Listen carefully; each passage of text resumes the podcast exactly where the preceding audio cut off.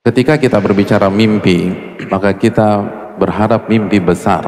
Itu semua akan berharap sakinah, mawaddah, warahmah. Dan di antara tanda-tanda kebesaran Allah, Allah ciptakan dari diri kalian pasangan-pasangan kalian.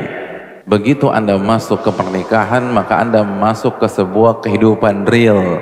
Kehidupan yang penuh dengan masalah, kehidupan yang penuh dengan ujian, kehidupan yang harus diperjuangkan dengan keringat dan air mata. Gak mudah hadirin sekalian. Satu-satunya cara adalah kembali ke konsep Allah, konsep samara, sakinah, mawaddah, warahmah, ketenangan, kebahagiaan, lalu cinta dan kasih.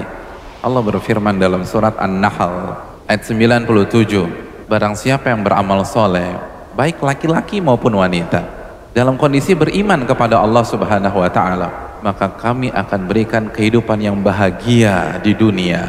Kami akan ganjar mereka dengan hal yang lebih indah, lebih baik dari apa yang mereka lakukan. Maksudnya di surga. Samara itu satu paket. Bahagia dunia, bahagia di akhirat.